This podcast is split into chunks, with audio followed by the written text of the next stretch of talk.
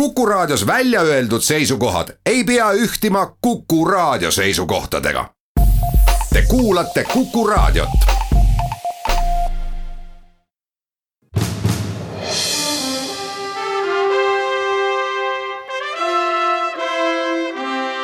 vahetund Postimehega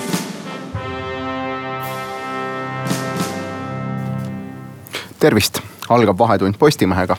Mina olen Peeter Helme, minuga koos on täna stuudios orientalist Martti Kalda ning Postimehe välistoimetaja Margus Parts.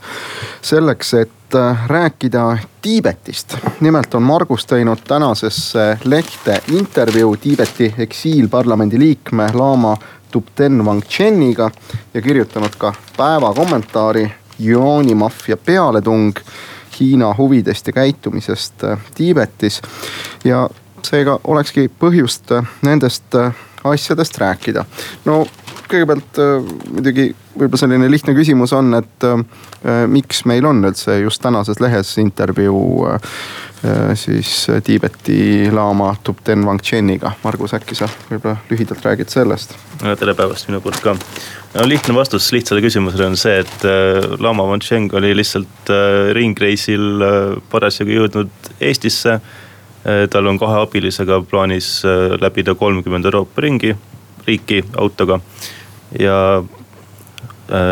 asja eesmärk on siis levitada teadlikkust Tiibeti olukorra kohta ja kutsuda Pekingit üles alustama kõnelusi Dalai-laamaga ja Tiibeti parlamendiga mis siis viimati leidsid aset aastal kaks tuhat kümme.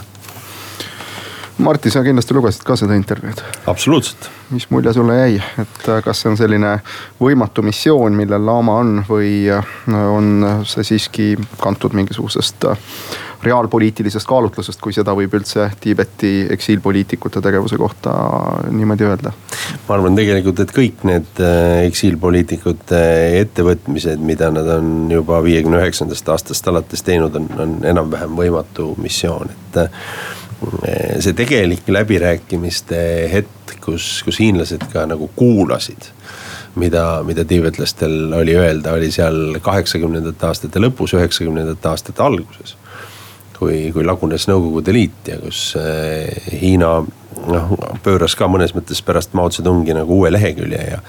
ja, ja ei teadnud täpselt, mis, mis juhtub ja olid olnud Taevasrahu väljaku sündmused ja, ja, ja kardeti äh, välisriikide suhtumist ja, ja loodeti tiibetlastega kuidagi ära leppida, aga pärast seda on ikkagi olnud tegu üsnagi sellise suure venitamisega, et ja ega vaadata eksiilvalitsuse poole pealt ka, ega nad, äh, ma arvan, väga tõsiselt äh, oma, oma edusse ei, ei usu, aga see on rohkem selline eksiilvalitsuste ülesanne teemat lihtsalt päevakorral hoida. no Tubten Wangchen ütleb ju siin intervjuus päris mitu korda, et ikkagi asi on just viimasel ajal muutunud eriti hulluks seoses sellega, kuidas äh, Hiina Rahvavabariik on oma majanduslikku võimsust äh, kasutanud enda välispoliitika hoovana. Ja eks äh, meiegi siin Eestis vist tunneme seda üha teravamalt ja, ja tundub, et seoses sellega on jälle ka surve Hiinas sees Tiibetile ja mitte ainult Tiibetile, ka teistele vähemusrahvuste piirkondadele teravnenud, et hiinlased tunnevad siis sellist karistamatust, et kui nad tõesti kaheksakümne kaheksandal aastal vist tahtsid kuidagi maailmaga ühineda, siis praegu tundub pigem, et nad tahavad maailma oma näo järgi kujundada. Hiinlased jah, näib, et äh, tahavad selle maailma nagu ära osta, et siin on, siin on mitmeid häid näiteid viimase noh, viie, kuue aasta jooksul ja see on siis seotud uue Hiina presidendiga Xi, äh, Xi Jinpingiga.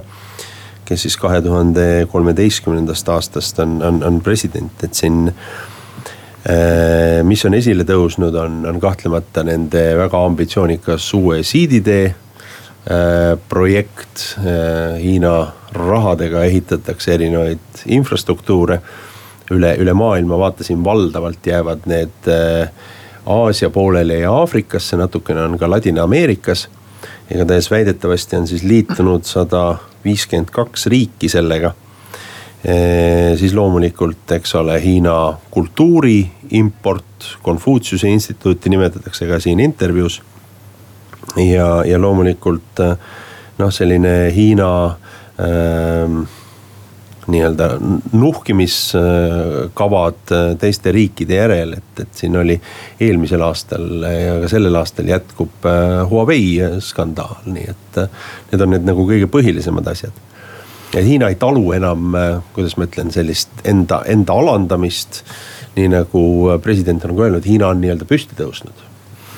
no siin intervjuus Margus, sa küsid ka, kas olukord Tiibetis on pärast Xi Jinpingi võimuletulekut hullemaks läinud ja vastus on see, et tundub, et on. ja samas vastusest tuleb ka välja, et see on mõnevõrra üllatav. et oleks võinud justkui oodata teistsugust käitumist. no see taust on selles mõttes tõesti huvitav, et kuidas siis esimees Xi enda ajalugu või taust peaks olema justkui nagu Tiibetit soosiv, sellepärast et äh, tema peres on levinud äh, budism ja siis Lama väljendab, et võib-olla justkui Xi naine ja, ja isa oleks võinud teda suunata kuidagi Tiibetiga suhteid parandama. noh, samas tegelikult ikkagi reaalpoliitiliselt võttes ei ole sellel ilmselt mingit kaalu, sest Hiina huvid on laieneda ja üha rohkem kasutada ka enda riigi äärealasid ära. praegu on Tiibetiga seoses tegelikult näha veel üks huvitav küsimus. Eh, nimelt eh, India põhjaosariigis Arunachal Pradeshi osariik, mida Hiina nimetab Lõuna-Tiibetiks. ja millele siis Hiina üritab ka kuidagi vaikselt hakata käppa peale panema. Et eh, see, see lootus, et kas siis Xinjiangis või Tiibetis mingisugused kruvid hakkaks lõdvemaks muutuma, on pigem üsna üsna näiline. no intervjuus äh, ütlebki Toptem Wangchen seda, et äh, tegelikult hiinlased on noh seda kontrolli mitte ainult tugevdanud, vaid äh, asi liigub üha enam selles suunas, et üleüldse Tiibeti keel ja kultuur välja suretada. et kas see on noh iseenesest noh, see toob kohe paralleele ette näiteks ka Venemaaga ja Venemaa käitumisega siin vähemusrahvustega, kus ju tõesti me näemegi seda, et äh, mõned väiksemad soome-ugri rahvad näiteks noh noh, nad ongi muutunud selliseks nii-öelda pühapäevarahvaks, et äh, nende keelt enam keegi ei räägita ja siis äh, mõnikord harva pannakse rahvariided selga ja etendatakse siis seal äh, turistidele mõni rahvatants, aga et mingisugusest reaalsest rahvusest enam juttu ei saa olla, et kas, kas see oht on nüüd tiibetlaste puhul tõesti reaalne või, sest mul on alati selline mulje olnud, et nad on ju siiski üsna suur rahvas ja elavad samas võrdlemisi hajutatult, et võib-olla selline totalitaarse režiimi käitumine noh, ei, ei saa neid nii kergesti puudutada või on see seisukoht natuke naiivne?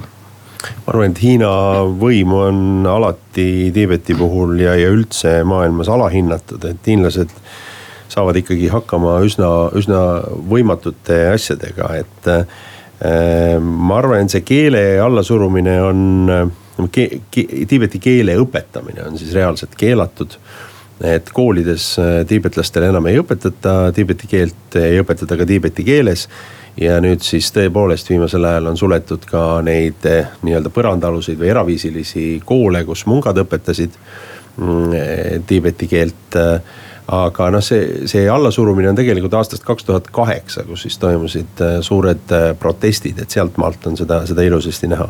aga minu meelest palju olulisem on, on see hiinlaste ümberasustamine Tiibeti regiooni eh, mis iganes see arv on, et kas ta nüüd juba ületab tiibetlaste arvu äh, Tiibeti asualadel ja Tiibeti autonoomses regioonis või, või mitte. see on nüüd selline väga selge meede, et me nii-öelda suretame nad välja, me assimileerime nad hiinlastega. see on hiinlaste nagu hästi tüüpiline võte ja see on olnud tüüpiline võte juba seal noh, kaks tuhat aastat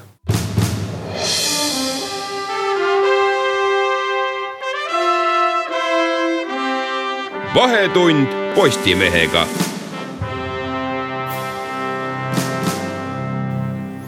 jätkub Vahetund Postimehega, mina olen Peeter Helme ja minu stuudiokaaslasteks on orientalist Martti Kalda ning Postimehe välistoimetuse ajakirjanik Margus Parts. räägime Tiibetist, sellepärast et Margus tegi intervjuu Tiibeti eksiilparlamendi liikme Lama Thupten Wangcheniga ja just enne reklaami sai nenditud seda, et Hiina on hakanud üsna jõuliselt tiibetlasi assimileerima. see on selline hiinlaste lemmikpoliitika olnud ikka juba aastatuhandeid.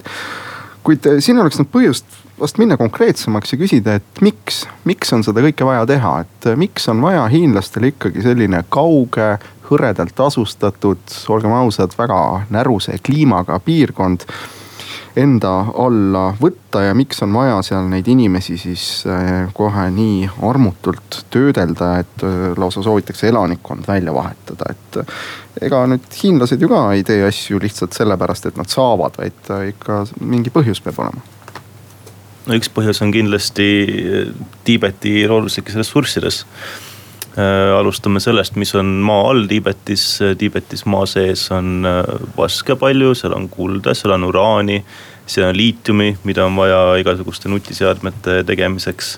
Äh, teine asi, mida Tiibetis on palju, on vesi, sealt algavad enamus kõik suuremad Aasia jõed. on teada, et Hiina on teinud jõgedele paise, sellega kohalikku ökosüsteemi küllaltki suuresti häirinud. Äh, Hiina või Tiibet on tähtis ka strateegilise paiknemise poolest. ta on India piiri ääres, ta käitub justkui puhvertsoonina, Hiina ladustab sinna tuumarelvasid. Lisaks mainisin juba uraani kaevandamist, uraani kaevandamise jäätmeid on ka Tiibetisse üsna hea ladustada. et kõik sellised väga suurtööstuslikud aspektid tegelikult teevad Tiibetist Hiina keskvalitsuse jaoks väga olulise piirkonna tuumakatsetuste piirkond on Xinjiangi ja Tiibeti autonoomse regiooni piiril. Äh, nii et äh, siis äh, polügoon ka selleks väga õige, tavaliselt muidu unustatakse ära see, see puhvertsoon Indiaga, see on, see on äärmiselt, äärmiselt oluline.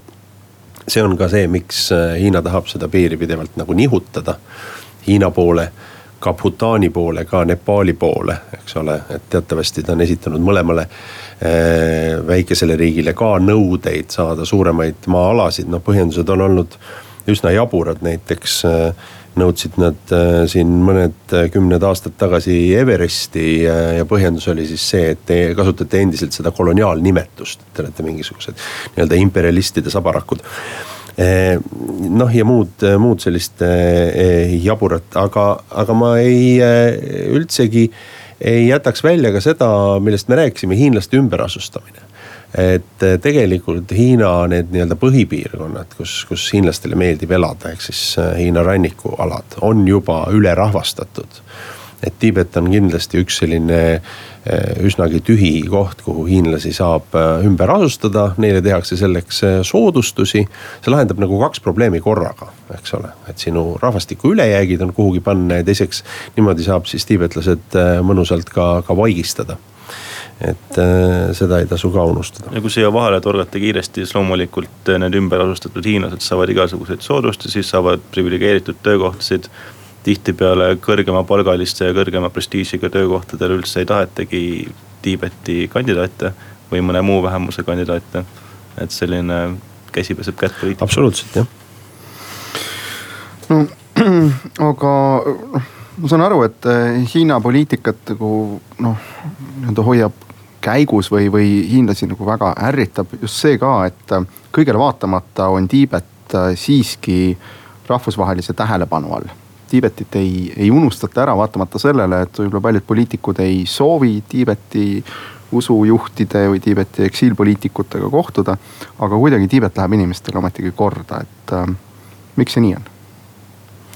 noh Eesti poole pealt vaadates on see väga loogiline, Eesti on ise olnud samasuguses äh, situatsioonis, me oleme olnud okupeeritud, meil on olnud väliskogukond meil on olnud probleeme oma keele ja kultuuri säilitamisega.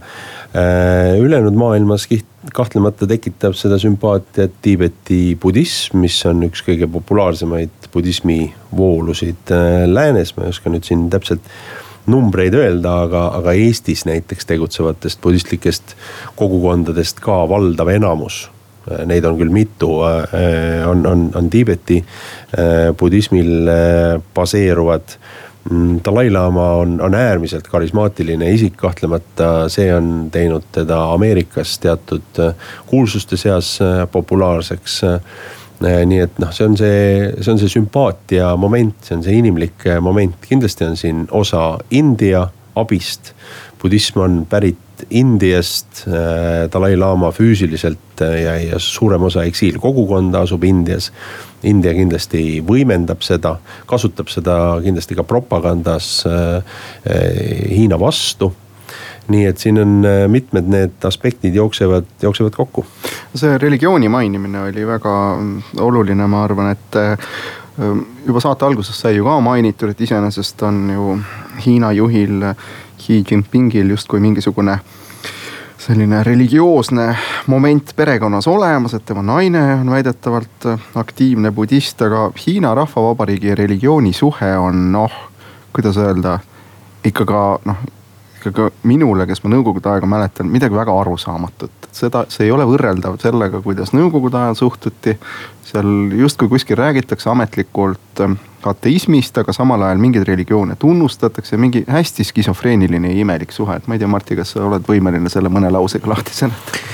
Eh, no eh, selle, selle poolest on, on suhtumine religiooni umbes samasugune Hiinas ja, ja Vietnamis, et, et ateismiks nimetatakse ka seda, eh, mis mis pärineb nii-öelda esivanemate kultusest. et kui me räägime konfutsianismist ja taoismist, siis see hiinlaste statistikas kajastub ateismina. see, see, see, et on mingisugused äh, Äh, templid, kus, kus ärimees näiteks läheb hommikul ja paneb rahakoti sinna altari peale ja palub, et tal äri läheks hästi, näiteks sõjajumala juures. see ei ole religioon. see on noh, esivanemate tavade järgimine, nagu meil on laulupidu või, või jaanipäev ja religioon on siis, on siis see, mis on tõepoolest eristatav religioonina, on see siis kristlus või on see siis islam või on see tõepoolest siis budism. lisaks sellele neid numbreid hoitakse teadlikult allpool. siin on kaks momenti, üks on see, et valitsus võltsib andmeid, teine on see, et inimesed, kes on religioossed, teadlikult varjavad oma religioosset kuuluvust. Äh, et, et tegelikult numbrid on ilmselt umbes kahe korra äh, suuremad. nii et äh, siin on siis segu sellest mida statistikas näidatakse religiooniga, religioonina ja mida, mida ei näidata, et see on see põhiprobleem no kas võib öelda, et ähm, Hiina valitsusele on äh, Tiibeti eksiilvalitsuse tegevus kohe eriti pinnuks silmas just selle tõttu, et see on lahutamatult seotud religiooniga e? kindlasti, aga, aga ma arvan, et siin ei ole see religiooni komponent üldsegi mitte põhiline, et äh, Hiinas endas nii-öelda füüsiliselt päris Hiina territooriumil on päris mitmeid ja päris suuri Tiibeti budistlikke kloostreid, tegevaid Äh, olen ise käinud äh, üritustel, kus osaleb miljoneid hiinlasi et äh, küsimus ei ole budismi populaarsuses. muidugi see on, see on võib-olla selline lisamoment, et, et Tiibeti eksiilvalitsuse liikmed saavad alati rõhuda sellisele noh, propagandistlikult hästi toredale moraalsele printsiibile, et me seisame nagu selle religiooni tõttu kuidagi, kuidagi kõrgemal teist. et see on, see on kahtlemata asi, mis hiinlastele ei meeldi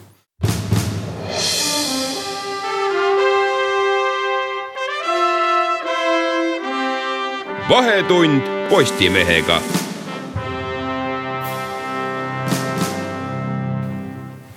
jätkub Vahetund Postimehega ja täna on meie teema Tiibet, sellepärast et Margus Parts tegi tänasesse Postimehesse intervjuu Tiibeti eksiilparlamendi liikme Lama Tubten Wangcheniga. mina olen Peeter Helme ning lisaks Margus Partsile on minuga koos stuudios veel ka orientalist Martti Kalda. ja oleme nüüd rääkinud Tiibetist ühte teistpidi ja rääkisime Tiibetis leiduvatest maavaradest, mida Hiina väga äh, ihaleb ja mille pärast on Hiinale väga oluline Tiibetit äh, alla suruda aga rääkides rahvusvahelisest tähelepanust Tiibetile, loomulikult ei saa üle ega ümber ikkagi Dalai-laama isikust kahtlemata on just äh, praegune Dalai-laama see, kes on suutnud hoida rahvusvahelist tähelepanu Tiibetil, kes oma karismaga suudab paljusid äh, riigijuhte veenda ja mõjutada. ja loomulikult on küsimus selles, äh, mis saab siis, kui teda ühel päeval enam ei ole Dalai-laama on muidugi ise öelnud, et ta elab toredalt saja kolmeteistkümne aasta vanuseni. noh, eks näis, kas nii ka läheb, praegu on ta, kui vana ta on, siis üle kaheksakümne natukene. kaheksakümmend neli vist, eks? seitsekümmend neli peaks olema, aga äh, jah aga jah, et äh, ta on ju lisaks öelnud seda, et äh, kui ta ümber sünnib, siis ei sünni ta ümber hiinlaste võimualastele, võimualustele maadele.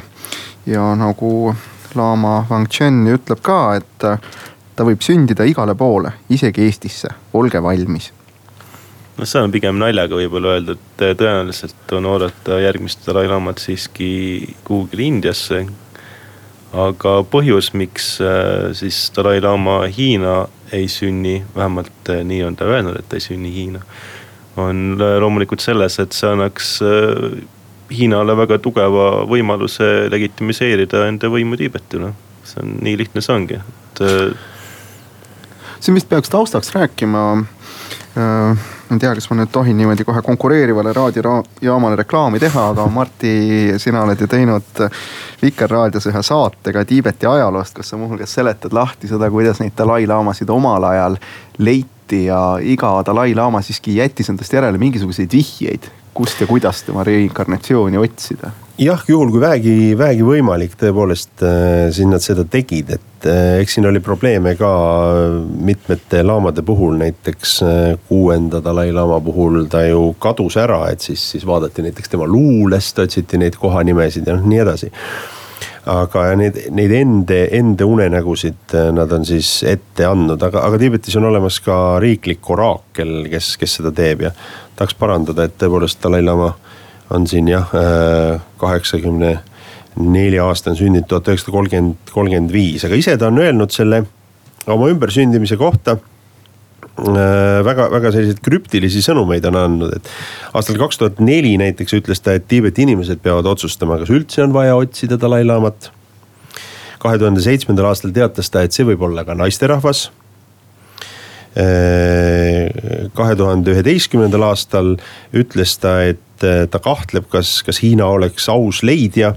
ja ütles, et kui ta saab üheksakümne aastaseks, et natukene on siis veel aega eh, umbes viis ja natukene enam aastat, kas ta üldse sünnib ümber ja eh, et kas ta sünnib ümber ühe inimesena või sünnib ta ümber näiteks kolmena, kui ta soovib. Nii et ta on jätnud kõik need otsad lahti, et, et tõepoolest see on siis eelneva ümbersünni äh, äh, selline, selline valik aga vaadake, see, kas Dalai-laama on olemas või mitte, see on nagu tiibetlaste jaoks elu ja surma küsimus, mitte ainult sellepärast, et on olemas selline tore kollasesse ja punasesse riietunud vanakene, kes käib äh, ringi ja, ja on populaarne, vaid sellepärast, et nende jaoks on tegu ikkagi jumalaga, eks ole. Et meenutame, et see on, see on, tegu on jumalaga, kes sünnib ümber. Tegu on bodhisattva äh, Avalokiteshvaraga, kes kehastab ülimat kaastunnet, nii et äh, noh, usutakse, et temast nagu kiirgub nagu selline mingisugune positiivne, positiivne energia, et ta lihtsalt ei ole mingisugune äh, asemik, nii et äh, paljude inimeste jaoks Dalai-laama ja, ja paavst on, on kaks sellist üliolulist äh, sümbolväärtusega isikut äh, maailmas jah, aga äh, samal ajal on Dalai-laama ju praegu kui ma aru saan, sisuliselt taandunud eksiilvalitsuse tegemistest, ta on ainult usujuht. ja ta on tegelikult taandunud ja, ja ta teatas siin hiljuti ka seda, et ta enam välisvisiite ei tee, sest ta on liiga vana ja liiga eakas aga Tiibeti laamadel on ka selline komme, et kui nad tunnevad, et nende keha on liiga nõrk siis nad äh, teevad sellise äh, aasta või ka natukene kauem kestva sellise paastukuuri ja meditatsioonikuuri eraldatuses. ja, ja juhul, kui nad tunnevad, et nende tervis on jällegi parem, siis nad võivad sellest nii-öelda välja tulla ja jätkata oma tegevust, et äh, praegu siis Dalai-laama on just nimelt sellist eraldumist harrastama hakanud ta tõepoolest ei ole enam juhtivatel kohtadel valitsuses, ta ei ole ka rituaalide läbiviimises enam väga, väga aktiivne, nii et äh, saame näha, kuidas tema tervisel läheb. ka meie jutu kontekstis on tähtis ka mainida seda, et lisaks sellele, et Dalai-laama on usujuht, on ta ka tegelikult ikkagi de facto poliitilise tee kujundaja. ja Dalai-laama on suuresti see, kes on öelnud, et äh, tuleb ajada ikkagi kesktee poliitikat. Hiinaga ei tohi tülli minna Tiibet ei nõua iseseisvust, nõuab lihtsalt autonoomiat või õigemini siis palub autonoomiat. ja kui nüüd Dalai, Dalai-laama peaks ära surema, siis äh, on väga reaalne võimalus, et tekib olukord, kus äh, tekivad oluliselt reaktsionistlikumad liikumised. mis võtavad üle siis Tiibeti poliitika ja poliitilise suuna ja asi võib lõppeda lihtsalt konkreetselt sõjaga. et kas sa siis pead silmas seda, et Tiibetis võib juhtuda midagi sarnast, mis on juhtunud uiguuridega, et keda Hiina Rahvavabariigil on ka väga mõnus äh, süüdistada islamiterrorismis, sest et tõepoolest on olemas ju selline asi nagu uiguuride relvastatud võitlus hiinlaste vastu. Mm, jah, kuigi Tiibetis võib see asi võib-olla isegi kaugemale minna no mina küll ei näe praegu Tiibetis äh, praegu sel hetkel seda, seda relvastatud võitlust äh, tulemas, et seda relvastatud võitlust peeti üsna pikalt. viiekümnendatel, kuuekümnendatel aastatel, kui seda baas oli tõepoolest siis Mustangis, mis on osa äh, Nepaalist, aga ka seal sees asuv nii-öelda vürstiriik. ja kus CIA seda toetas ja, ja see teatavasti ju lõpetati ära, sest Nixon tahtis Hiinaga kokku leppida ja ära leppida, see oli tuhande üheksasaja seitsmekümne esimene aasta et, et siis tõesti peeti sellest, sellist reaalset äh, võitlust ja, ja see ei läinud tiibetlastel eriti hästi, et noh, see jõuvahekorrad on lihtsalt niivõrd, niivõrd korrast ära, et et praegu juhul, kui mingid protestid tulevad, on need pigem selle kahe tuhande kaheksanda aasta protestide moodi. mis siis äh, sisaldasid munkade enesepõletamist äh, protestiks aga tuleme korraks veel tagasi Dalai-laama juurde ja nimelt Dalai-laama ja Eesti. Eestit on ta külastanud ju kolmel korral.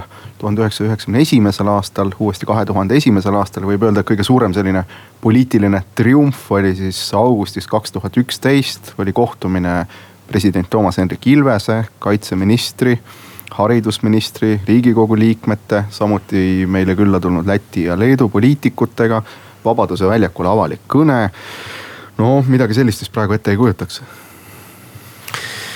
Nojah, eks poliitikud on olnud üsna ettevaatlikud kõiki neid äh, tiibetlasi äh, vastu võttes, mis iseenesest on minu jaoks alati olnud selline, selline veider äh, teema, eriti Eestis, et äh, Eesti, kes ise on, on vabanenud sellisest äh, okupatsioonist ja võiks siis nagu vähemusrahvuste ja väikerahvaste eest, kes, kes kannatavad mingisuguse tagakiusamise all äh, sõna võtta.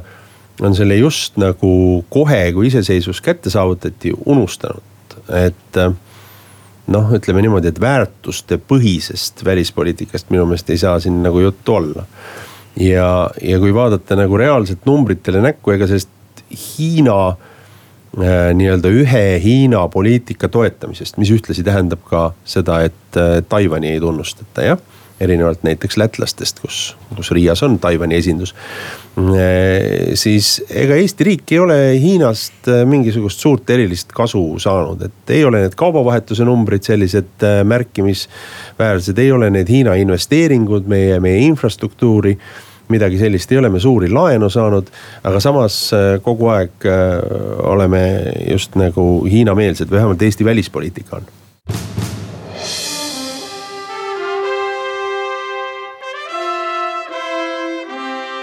vahetund Postimehega. Jäänud on viimane jupp Vahetundi Postimehega, mina olen Peeter Helme, koos minuga on stuudios orientalist Martti Kalda ning Postimehe välistoimetaja Margus Parts ja oleme rääkinud Tiibetist ja muidugi kogu aeg on meie saatest ikkagi läbi käinud ka siis Eesti positsioon.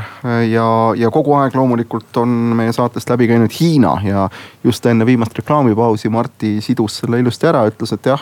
Eesti on olnud äärmiselt ettevaatlik suhetes Tiibeti eksiilpoliitikutega just lootuses, et nii-öelda Hiinast midagi saada. seni see väga kuidagi täitunud ei ole, aga, aga võib-olla peakski vaatama siis laiemalt, et tõepoolest, äh, Eesti on ka siin ühes ja teises äh, aspektis osalenud äh, Hiina välispoliitilises initsiatiivis, mis kätkeb endas ida, Kesk- ja Ida-Euroopa sellist hõlvamist. aga noh, et äkki me peaksimegi siis kuidagi tähelepanelikult vaatama üldse seda, mis Hiinas toimub, enne kui me tõttame kõiges järele andma või, või olema väga leplikud hiinlastega, et. Äh, tegelikult ju on ka selliseid kriitilisi hääli, mis pööravad tähelepanu sellele, et nii võimas kui Hiina ka tundub, on Hiinal siiski väga tõsiseid demograafilisi, majanduslikke, poliitilisi probleeme millega noh, tuleb ühel hetkel tegelema hakata ja mis võivad saada Hiina Rahvavabariigi praegusele poliitilis-majanduslikule süsteemile teatud asjaolude nende jaoks halval kokkulangemisel ka saatuslikuks.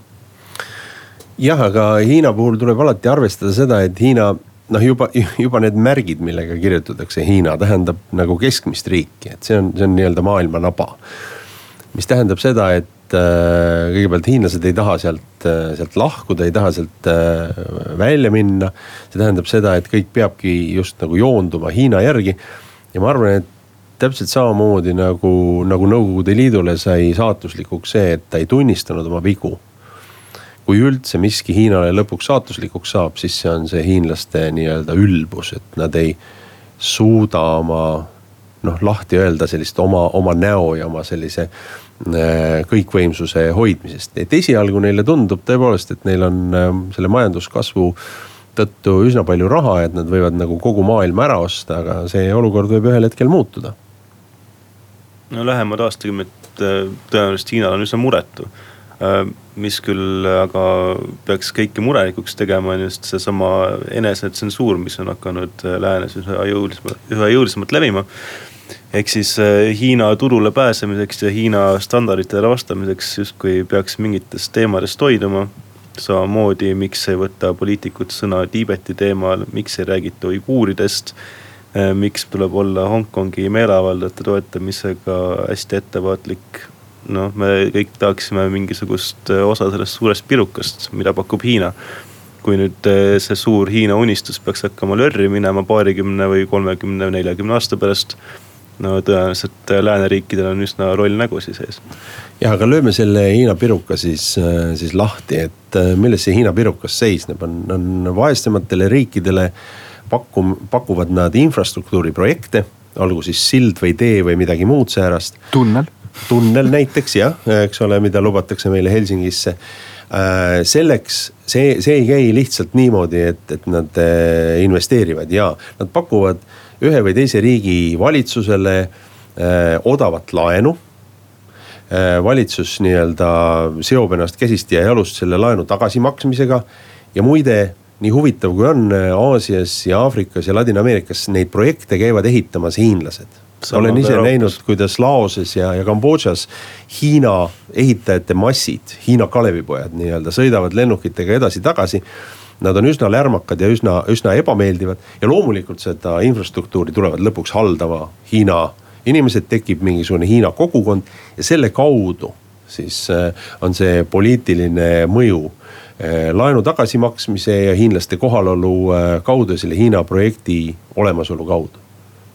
Nii et see on sisuliselt selle, selle piruka sees, et see on see, mis selle näilise särava pinna all on nii et äh, kõik asjad taanduvad ikka ühel ja teisel viisil äh, majanduseks, olgu selleks siis hiinlaste vastupandamatu soov olla Tiibetis kohal või olgu selleks siis ka Eesti välispoliitiline käitumine seoses Hiina Rahvavabariigiga.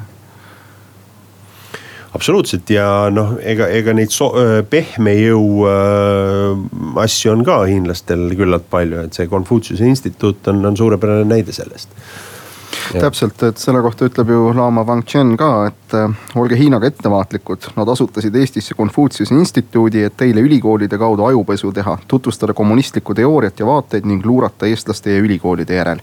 ja see noh, tõesti kõlab väga emotsionaalselt, aga samal ajal me ise Postimehes ju äh, avaldasime siin alles suhteliselt hiljuti kolmeosalise artiklisarja, kus äh, põhimõtteliselt sai see kõik tõestatud. aga mida siis meie, eestlased kodanikena teha saame Tiibeti heaks?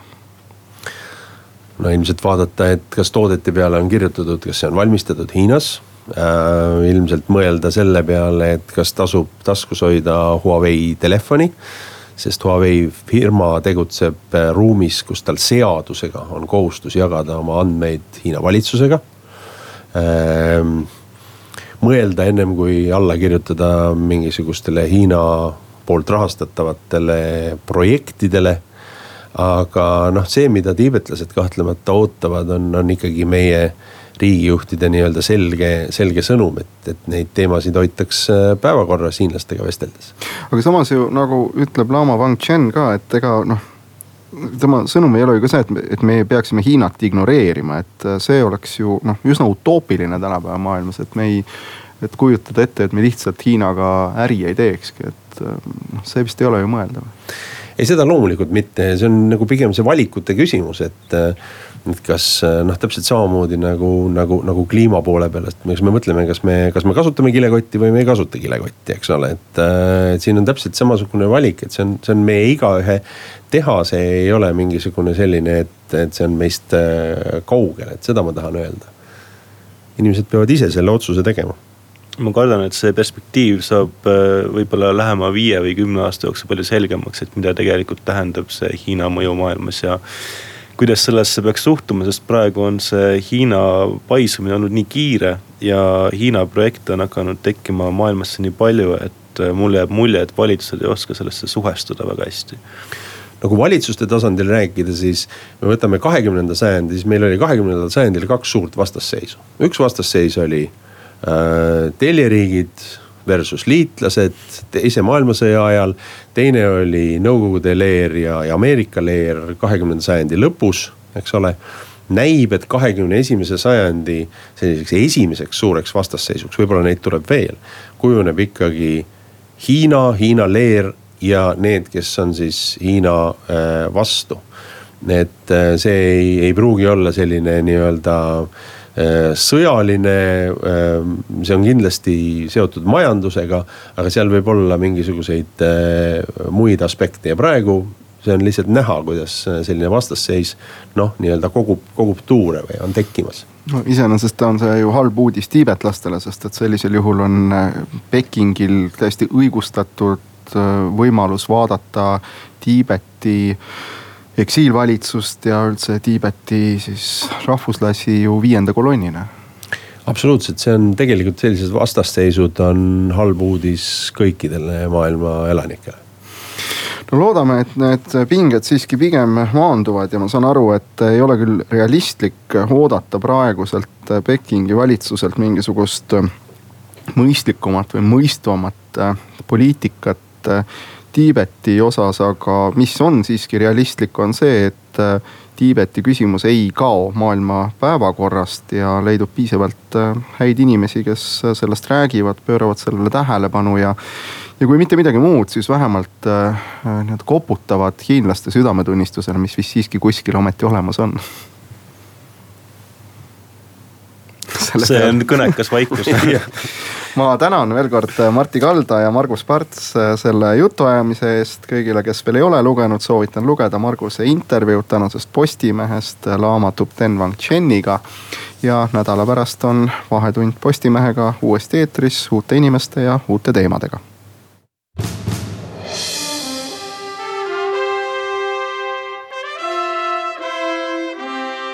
Vahetund Postimehega